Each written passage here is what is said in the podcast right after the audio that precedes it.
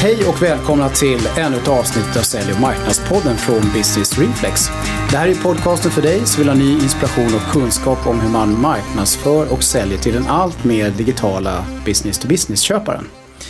Det här avsnittet av Sälj och marknadspodden kommer att fokusera på en undersökning som vi har tagit upp eh, eh, en gång tidigare i Sälj och marknadspodden. Den heter Kanaloptimeraren. Nu är det så att eh, den här undersökningen har gjorts igen och eh, den genomförs av ett eh, företag som heter Antoma. Och jag har fått ta del av den här undersökningen, tycker att det finns väldigt mycket intressanta findings i den här undersökningen. Som jag tror många kan ha väldigt stor nytta utav och som det finns mycket nyfikenhet kring. Och undersökningen den här gången, den, den fokuserar på att förstå hur ledning och styrelse agerar på möjligheter och utmaningar för att fortsätta, skapa fortsatt tillväxt i det här digitaliserade landskapet som vi lever i. Ett väldigt eh, hett och viktigt ämne såklart. Eh, för att vi ska komma framåt och eh, förstå mer om kanaloptimeraren och resultaten och slutsatserna och rekommendationerna kring den så har jag ju med mig två personer från Antoma såklart. Claes Strand och Anders Bergström. Klas, jag tror du får börja. Du är ju eh, första gången med i Sälj marknadspodden. Ja, tack så mycket. Vem är du och vad gör du? Eh, som sagt, Claes Strand heter jag. Eh, jobbar som eh, verksamhetskonsult. Vilket innebär att eh, jag träffar företagsledningar och resonerar kring hur vi tillsammans ska kunna öka deras intäkter. Bra. Eh, ja, Anders Bergström, du är ju en eh, ringräv i de här sammanhangen ja. skulle man nästan säga. Du har ju varit med i Sälj och marknadspodden tidigare. Ja, hallå Lasse. Ja. ja. Men jag tror för de som inte har lyssnat på något avsnitt med dig, för du nog ändå berätta lite vem du är och vad du gör. Mm. Nej, men jag är ju likt Claes, min kollega, jag är ju verksamhetskonsult, jobbar på Antoma. Eh, Antoma har ju funnits sedan 2002. Mm. Levererat över 100 kundprojekt eh, inom att förflytta bolagens sälj och marknadsorganisationer. Skapa nya intäkter. Så det är det jag har jobbat med. Och det är också det som skapar förutsättningarna för er att kunna göra den här undersökningen. Eh, men jag tänkte att vi skulle gå in på det lite mer först innan vi går in på själva resultaten ifrån den här undersökningen. Varför gör vi den här undersökningen och varför har vi valt att vinkla den på det här sättet? Ja, vi ser ju i de kontakter som vi har med våra kunder att eh, Företagen idag har ju kommit olika långt i hur de ska anpassa och utveckla sin verksamhet utifrån eh, digitaliseringen specifikt.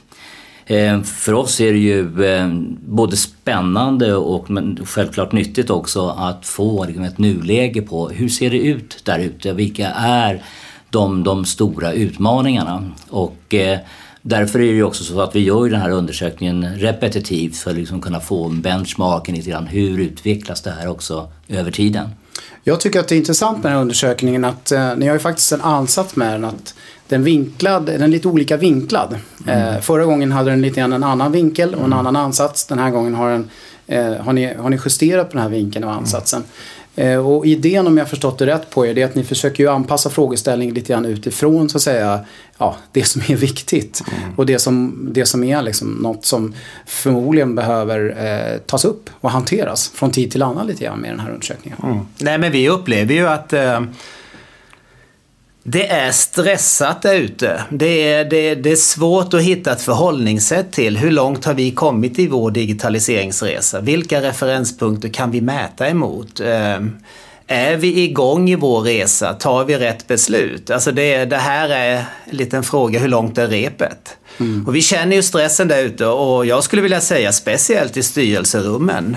Eh, som, som, som ska lägga ut riktningen. Eh, det är mycket oklarheter där just nu.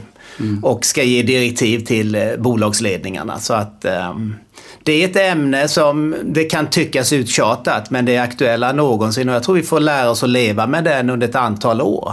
Mm. Eh, I återkommande skikt så att säga försöka belysa var vi är i vår resa för mm. respektive bolag. Så att, eh, mm, nej men den är, känns högaktuell. Ja, jag tycker också att den är eh, väldigt högaktuell lite grann med tanke på vilken typ av företag det faktiskt är som ni har gjort eh, eh den här undersökningen emot. Kan ni säga någonting mer om det lite grann? Ja, vi, vi, har, vi har genomfört undersökningen här. Primärt får vi säga att det är Stockholm, Mälardalen. Mm. Det är business to business mm. som vi opererar inom och ehm, det är medelstora och lite större företag. Eh, det är där vi har vår målgrupp. Precis, jag tror, det jag tycker är intressant då det är att eh, alla det här, hela det här startup-Sverige är inte inblandat i det här och inte de här stora megaföretagen är inte inblandade i det här. Utan det, det är en väldigt bra, tycker jag, representation av det svenska näringslivet. I alla mm. fall om man tänker sig perspektivet eh, Stockholm-Mälardalen. Då, då.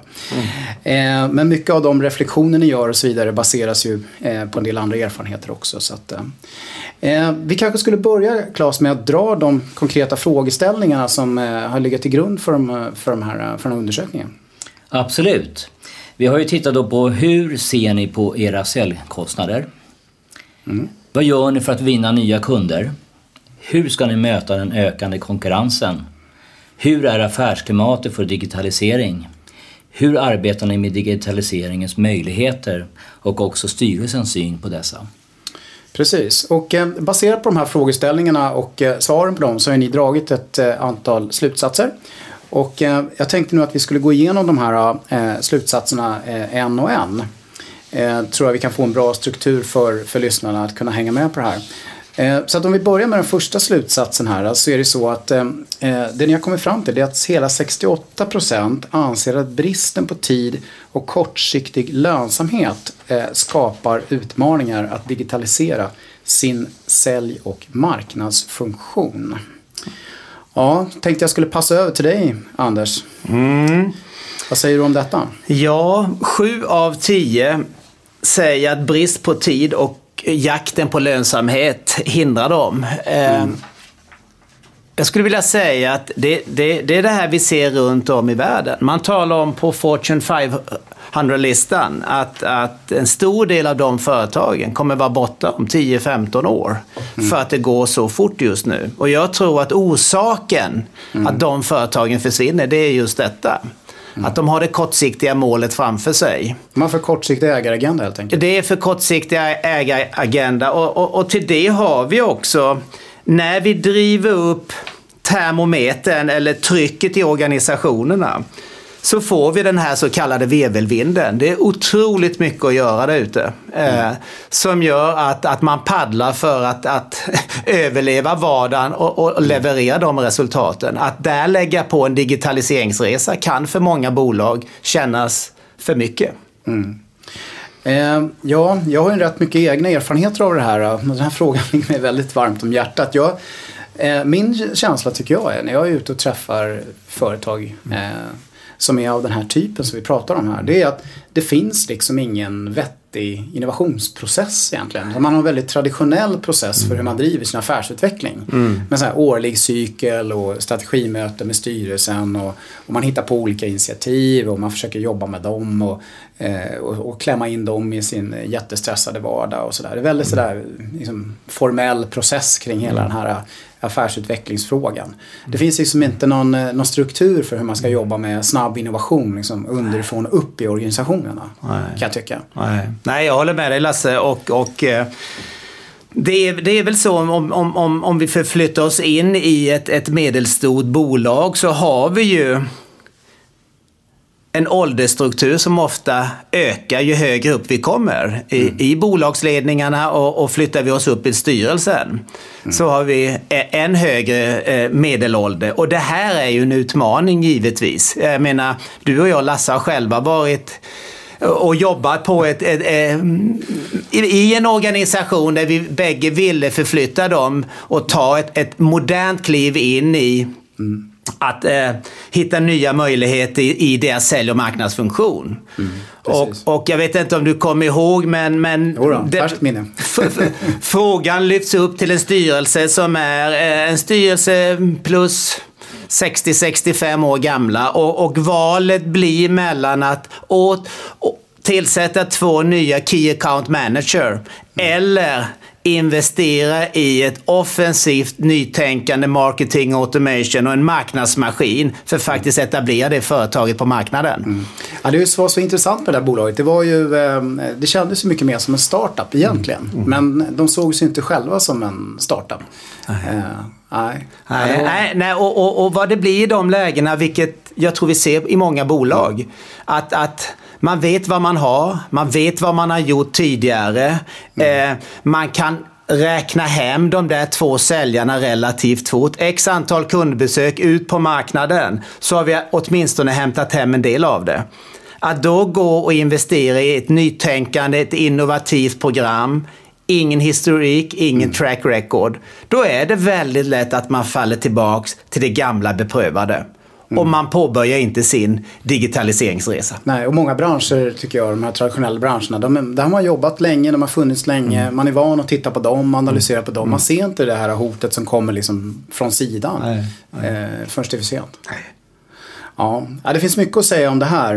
Mm. Eh, Ska vi klämma till med någon form av rekommendation här Anders? Vad, vad ska vi säga? Ja, Hur bör man tänka då? Ja, nej men det finns väl ett antal anslag. Jag, jag tycker ju att, att eh, vitalisera upp i toppen med ung fräschör eh, tycker jag är viktigt. Det är en sån här liten sidoaktivitet som är, är rätt enkelt att göra. Att, att, mm. att faktiskt välja in i styrelsen eller in i, i bolagets närkrets.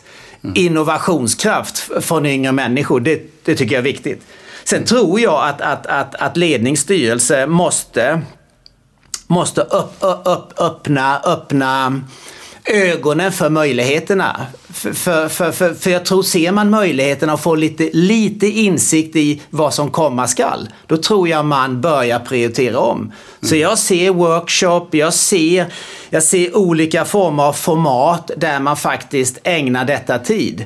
Mm. För att, att därifrån sortera, prioritera och börja skiva elefanten i vettiga stycken. Mm. Så, så, så liksom ta tid i ledningen, avsätt tid ta in någon extern som är facilitator. Våga mm. tänka utanför box, boxen. Um, mm. jag, jag, tror svårare så är det inte. Att, att våga tänka och därifrån sen ta ner din plan. Mm. Ja, men det är bra. Du, eh, om vi hoppar vidare till slutsats två. Eh, då, då, säger vi så här i eh, undersökningen att 64 procent av företagen fokuserar på att utveckla sina erbjudanden för att vinna nya kunder. Eh, det är alltså väldigt många som, som lägger mycket kraft och energi på, ja, på sina, ja, sina lösningar, sina produkter helt enkelt. Mm. Eh, vad säger vi om det då? Eh, nej men den, den, jag, jag, tycker den, den är rätt naturlig. Jag, jag, hade väl nästan trott att vi skulle få ett högre tal här men, men det, 64 procent säger då att, att eh, vi måste utveckla vårt erbjudande. Och, och eh, Ja, jag tänkte på när jag var på väg till dig Lasse att, att, att äh, det var en stor, stor annons från v, v, VAG att liksom nu 1695 för din Folkvagn Golf. Mm. Äh, det, det, det, har blivit, det har blivit en, en, liksom en helt naturlig grej. Att bilen hyr man, man har mm. Netflix och man, man, vi börjar konsumera på ett annat sätt. Och med, med, med, det jag tror är viktigt nu när man är lite stressad och man vill bredda sitt erbjudande är att, att att inse att breddning av erbjudandet skapar komplexitet i marknadskommunikation, i, i kompetens hos säljkåren. Alltså att någon ska ju bära ut detta. Mm. Eh, eh, så att, att det finns ju också otroligt mycket att göra med det befintliga erbjudandet. Att, mm. att, att, att, vi skär det i andra ledder. Vi, vi vänder på, på vårt kära erbjudande och, och speglar upp det mm. på lite olika sätt. Allt utifrån hur B2B-köparen vill konsumera detta. Mm. Och det tror jag man ska börja med innan man springer och stretchar i sidan eller i djupet. Mm, precis. Jag håller med dig helt Anders, jag tycker också det.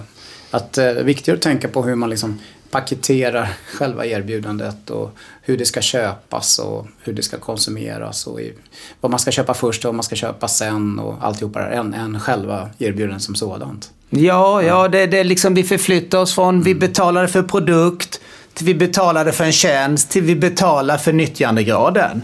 Mm. Och, och, och tittar man på sitt produkterbjudande och följer de stegen så kan man lägga ut en matris rätt enkelt och se var har vi luckorna? Vad behöver vi För det, för det, är, det är där förflyttningen sker i första läget. Mm.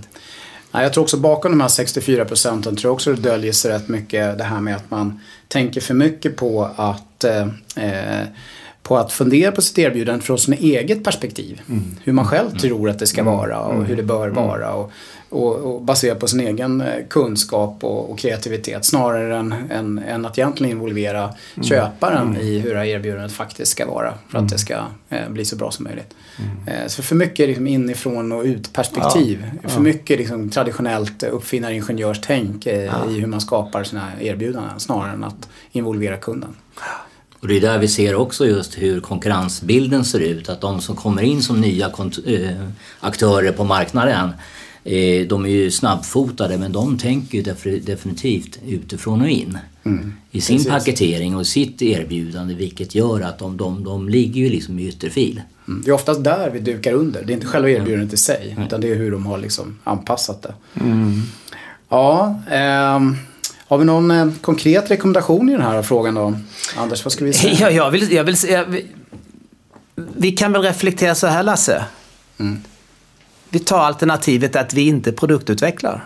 Vi slutar att produktutveckla. Vi slutar produkter. Om, om man leker med den tanken och stannar upp den några mm. sekunder så inser man ju absurdumet i 2017 i den hyperkonkurrensen.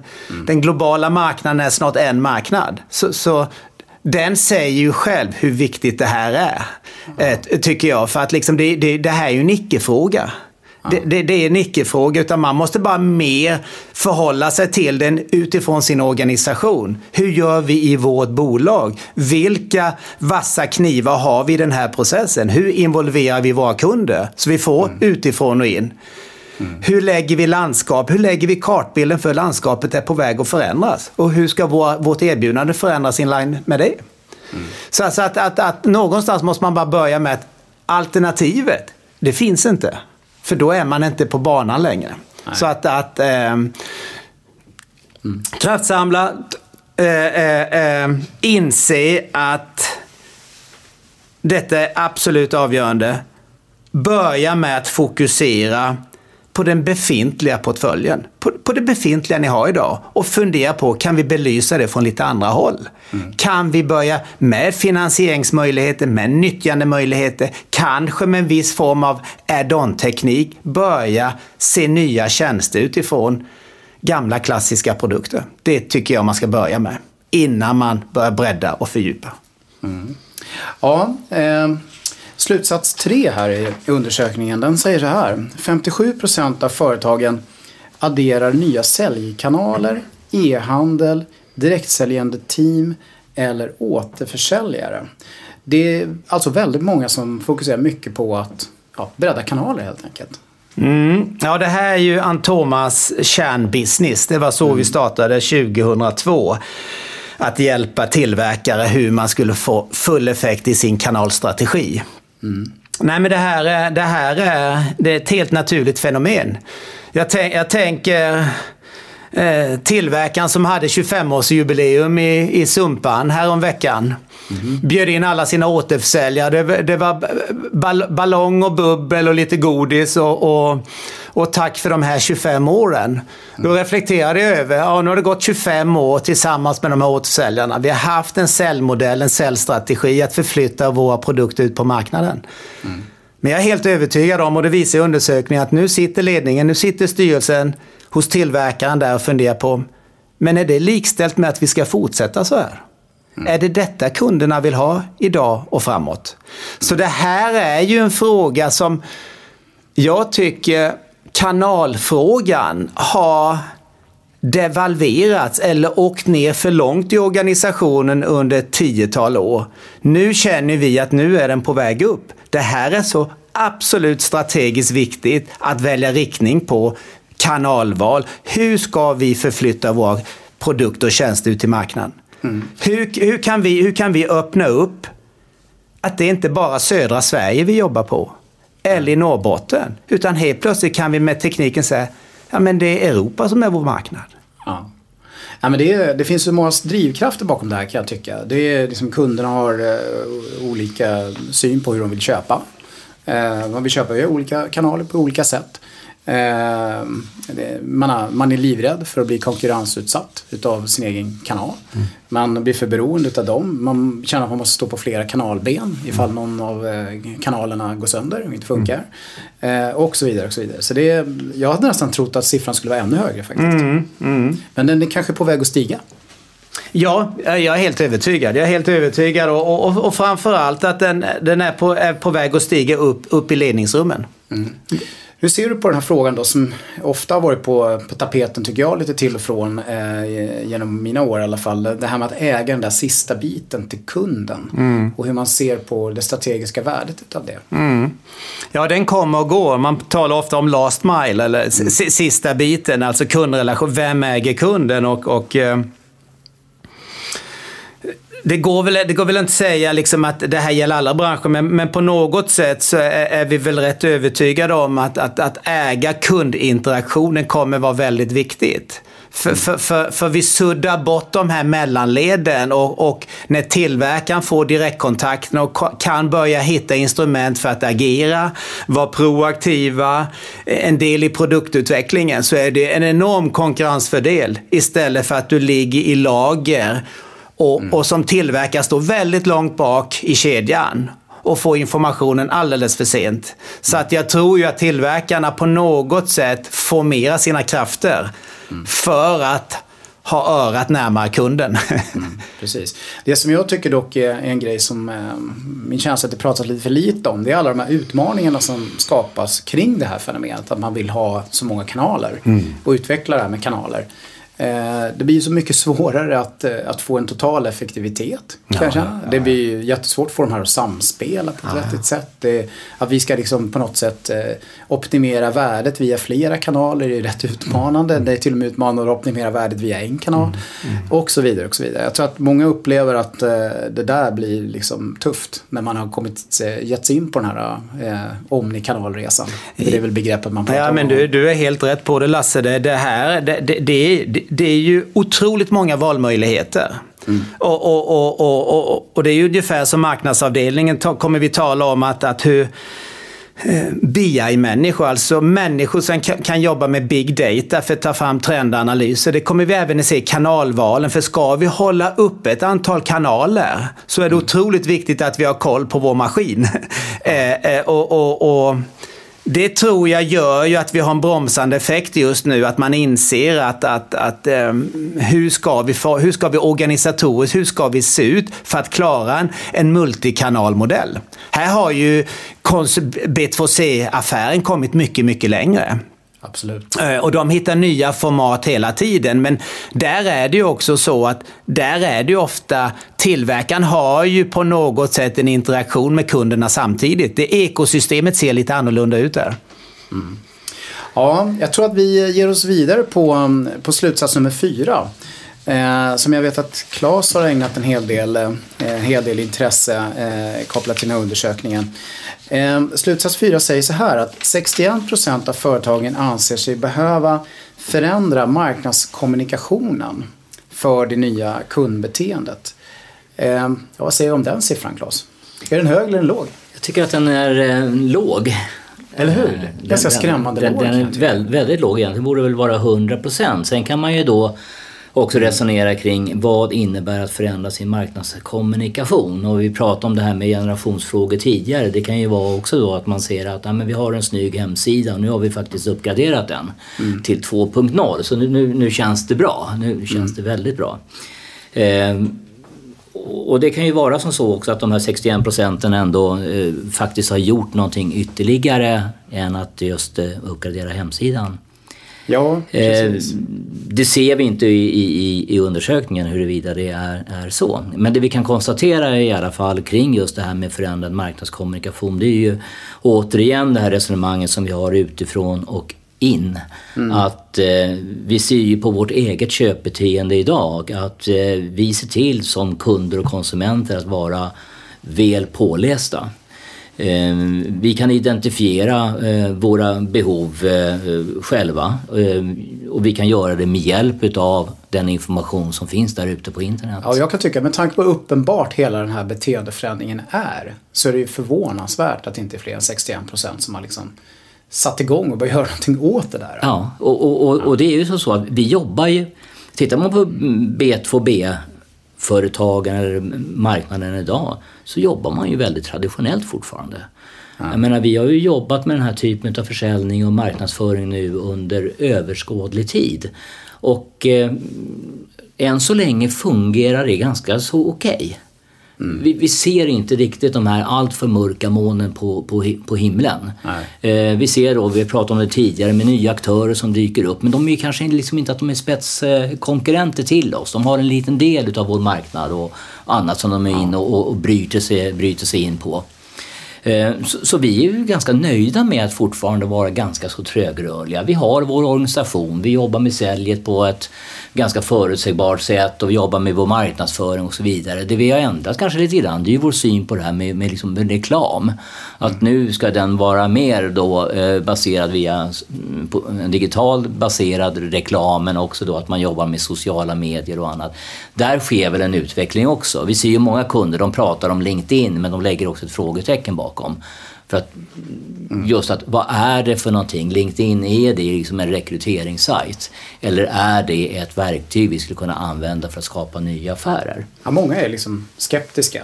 Eh, det händer massa saker hos den här digitala köparen men är det verkligen så att eh, det är för oss? Och är det verkligen så att det är våra köpare som verkligen har blivit så här digitala? Ja, ja men det är nog lite grann så. Det är nog därför siffran är som den är skulle jag säga. Mm. Jag tror också att eh, det finns en brist på förståelse kring att marknadsfunktionen och marknadskommunikationen behöver faktiskt fungera i alla faser i en sån här kundlivscykel. Eh, man inser inte liksom att eh, det faktiskt är så. Att eh, det är jätteviktig marknadskommunikation kopplat till den som upplever någonting som man köper. Eller när man har köpt det. Eller när man använder det i vardagen och så vidare. Och att den delen av det hela behöver verkligen utvecklas för att man ska bli riktigt framgångsrik. Så att, ja, vi får se. Det, det, det, det finns väl ett, ett, ett tillvaknande här som är ganska viktigt. Ska vi ge någon konkret rekommendation där Claes, eller ska vi gå vidare till nästa slutsats? Vad tror du? Ja, alltså vår rekommendation det är ju att eh, vi behöver ju då lyfta den här frågan upp på ledningsnivå för att organisationen behöver ett kollektivt mandat att ta tag i det här. Mm, det är inte en eh, marknadsföringsfråga, det är en strategifråga. Det är en strategifråga definitivt. Idag så så abdikerar ledningarna många gånger och säger så att ja, men det här fixar sälj. Eller ja, men vi har ju sett att det finns några säljare som är ute på LinkedIn och gör sina inlägg och annat. Men våra säljare ska vara ute och skapa värde hos våra kunder. De ska inte sitta och vara vår nya copy. Utan eh, det handlar ju om då att ledningen ger ett mandat till organisationen liksom att skapa en effektiv sälj och marknadsorganisation som jobbar i symbios, skapar konkreta planer tillsammans och skapar just den här värdebaserade dialogen med, med sina kunder eh, den tiden är över när vi kan ha då att sälj prospektera på sitt sätt och marknad sitter och gör sina marknadsaktiviteter på sin kant. Och sen så hoppas vi att det någon gång ibland att det här matchar. Precis. Ja, om vi går vidare till slutsats 5 då. 50% av företagen vill trots digitaliseringseffekter fortsatt satsa på att utveckla det fysiska mötet. Det är ju en ganska intressant siffra faktiskt, att man ser det så viktigt. Ja, det, det är intressant och, och, det är väl också en eh, klok reflektion uh, att man gör det. Sen mm. om vi pratar om det fysiska mötet och om vi pratar om det personliga mötet. För idag mm. så kan vi fort, uh, använda naturligtvis våra digitala verktyg till att genomföra möten. Men, men affärer görs mellan människor. Mm. Så är det. Eh, och visst är det som så att vi skulle kunna då utnyttja digitaliseringens fördelar med att eh, göra de här enkla transaktionsbaserade besluten, att vi kan göra dem via automatiserade processer. Eh, visst är det så.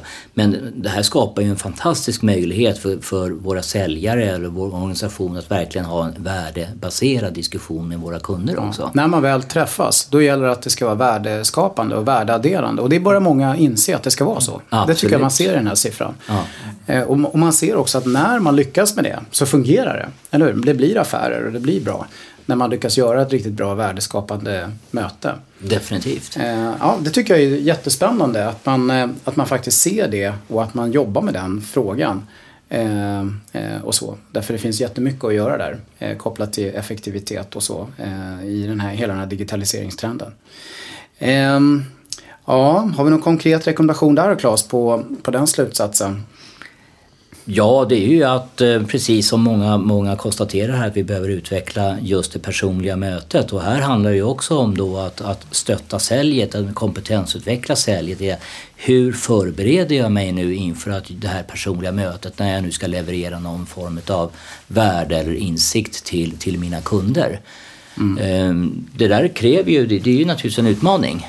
Och, och det kräver ju att vi liksom stöttar säljarna på, på, på rätt sätt. Jag tror att Många gånger så släpper man från ledningens sida, släpp, eh, säljarna, att eh, lite vind för våg. Eh, de får en powerpoint-presentation med, med en företagsidé och företagspresentation och annat. Och, men här behöver vi ledningarna coacha säljarna betydligt bättre och mer tight. Ja, och det syns ju jättetydligt på slutsats 6 faktiskt här. Eh, för där står det då att 30% av företagen kompetensutvecklar sina säljorganisationer att möta den nya digitaliserade kunden. 30% det är ju ingenting. Det är ingenting. Man lägger eh, ingen energi på det här med kompetensutveckla säljare. Nej, vare sig energi eller, eller kanske budgetmedel. Ja. Eh, det, det, är väl också en traditionellt just att eh, utbildning ligger som en budgeterad post och den budgeterade posten får ju ibland stå åt sidan för eh, andra aktiviteter eller för att påverka resultatet eh, positivt på, på, något sätt. Ja. Jag får någon sorts känsla av att man, man anställer de här dyra säljarna och är skitsur för att de är så dyra. Man ger dem eh, massa förmåner och, och, och man ger dem bonus fortfarande och eh, så vidare. Och så känner man så här, men nu, har vi, nu är du här, nu får du fixa biffen. Liksom. Mm. Jag betalar för att du ska klara av att fixa det här. Och sen så lägger man inte liksom så mycket kraft och energi och så vidare på att faktiskt säkerställa att de här eh, personerna kompetensutvecklar sig. Mm. Och det är ju verkligen så. För bara några år sedan så var det ett annat beteende som, som gällde. Nu är det liksom ett rätt mycket nytt typ av beteende, nytt typ av säljare som, som förväntas. Och eh, jag tänkte bolla över till dig lite grann där Anders. Eh, eh, jag vet ju att du faktiskt eh, eh, är, ja, man ska kalla det för rektor på en sån här skola. Jag ska, ja. kanske inte kan nämna skolan vid namn här men eh, där man ju faktiskt har valt att, mm. det måste vara ett av de här företagen som är bland de 30 procenten mm. som faktiskt investerar i den här kompetensutvecklingen. Mm. De gör det ganska rejält, eller Ja, jo. Nej men det är klart att mötet med den nya pålästa kunden eh, ett landskap där förutsättningslösa möten inte råder längre. Ett landskap där vi inte kan hålla på och åka ut till en kund och ställa 250 frågor som vi lärde oss i solution selling eller spin en gång i tiden. Mm. Utan vi möter eh, människor som gärna träffar oss. Mm. Om vi åker dit, är relevanta, vi är pålästa, vi levererar insikter och kunden säger efter en stund Wow, det där hade vi inte tänkt på. Det är ju det som är, och det är det som gör att säljyrket kanske är mer spännande än någonsin, men samtidigt mer utmanande. Och, och det är klart att när sju av tio bolagsledningar säger att vi ska inte kompetensutveckla vår säljkår, då blir man förbryllad. För det är ett annat Och jag, jag, jag tror du har helt eh, spot on där Lasse, att, att det är, dyr, det, är dyr, det, är dyr, det är dyr kostnad för att ta in någon. Man låter väldigt mycket av ansvaret hamna på säljaren själv. Mm. Och, och, och bland annat detta med att vi ska gå ut och leverera insikter väldigt tidigt. Vi ska alltså ha den kunskapen om kunden, så vi, vi ska känna den branschen, den vertikalen, så vi kan komma och knacka på och säga hej, får jag låna en halvtimme av er tid? Jag vet faktiskt, eller jag har en idé om hur ni kan tjäna mer pengar. Mm. För jag har gjort det på några andra ställen. Den insikten, det går inte att ha en organisation där varje säljare ska sitta på kvällen innan klockan 10 och knåpa ut någon listig idé som kan låta bra i, i, på morgondagens möte som man sen ska träffa sin kund. Nej. Utan det, det är ju så att det här måste vara ett organisatoriskt stöd baklä, bakifrån som kan levereras in till en säljorganisation. Och det glömmer man oftast. Så du har helt rätt där.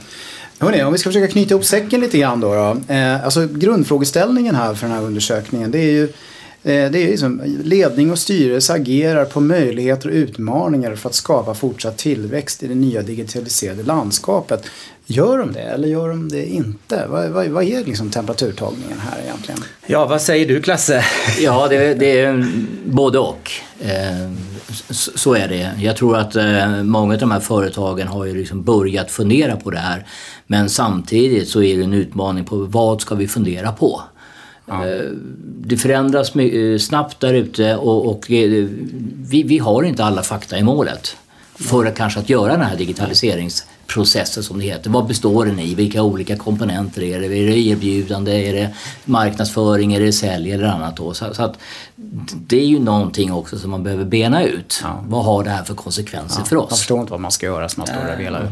Men vad säger du då Anders? Är det, ja, nej, går det för bra för folk? Ja, ja jag tror det. Jag tror det. Jag, det låter konstigt men jag tror att det taktar på rätt så bra nu där ute. Mm. Det, det, det, det, det är en den termometer där ute som, som, som visar rött nu. Det är, liksom, det är högtryck här just nu. Och, och, och det vet vi alla, att förändra, att ta till sig ny innovation, att, att investera i sidområden när det rullar på. Det är inte helt naturligt. Det, det, är liksom, man försöker skotta för att få fram det man kan i, i det röret man springer. Mm. Så jag, jag, tror ju att, att, att, att um, det är väl ofta så när man sitter, det är tungt, det, det är motlut i backen. Ja, men då, då är man mer beredd. Vi måste, vi måste agera. Det kommer in nya aktörer. Det händer någonting i vår resultaträkning varje, varje månad. Och då tror jag det är för sent. För att, att den här omställningen, den görs inte på en månad eller på ett kvartal. Vi talar, om ett, vi talar egentligen om ett kulturskifte. Vi ska byta ut pers person i organisationen eh, på olika avdelningar. Vi ska in nya verktyg. Det, det, det är, liksom, det, det, är flera år. Mm. Det, och, och, då är jag lite rädd för att vi kör in i kaklet och sen blir det en otrolig upptäckt. Ja, som du var inne lite grann på din rekommendation där på någon av slutsatserna. Mm. Att man kanske ska försöka ta in den där unga kraften i ledningen i strategidiskussionerna. Man vet ju själv, man sitter där i 50-55 ja. plus och eh, vi har en business som funkar det, och det levererar någon sorts vettigt resultat. Man, man tänker mer på liksom, pensionen ja. än på att driva ett häftigt ja. förändringstempo liksom, för att eh, hantera det som komma skall. Ja. Eh, hörni, eh, med detta så skulle jag vilja säga så här att eh, jag tror att eh, många kan vara väldigt nyfikna på att få tag på själva eh, rapporten. Och eh, det går att ladda ner den på Antomas hemsida. www.antoma.com är det. Eller hur grabbar? Yes. Mm. man surfar in där och där kommer man kunna hitta den på något trevligt sätt. Så jag skulle vilja tacka er båda för att ni kom hit och delgav en hel del av vad den här undersökningen faktiskt innehåller i det här poddavsnittet. Tack så jättemycket. Tack Lasse. Tack Lasse för att vi fick komma. Vad ni än gör där ute så ska ni göra precis som vanligt. Göra allt ni kan för att vara relevanta. Tack och hej!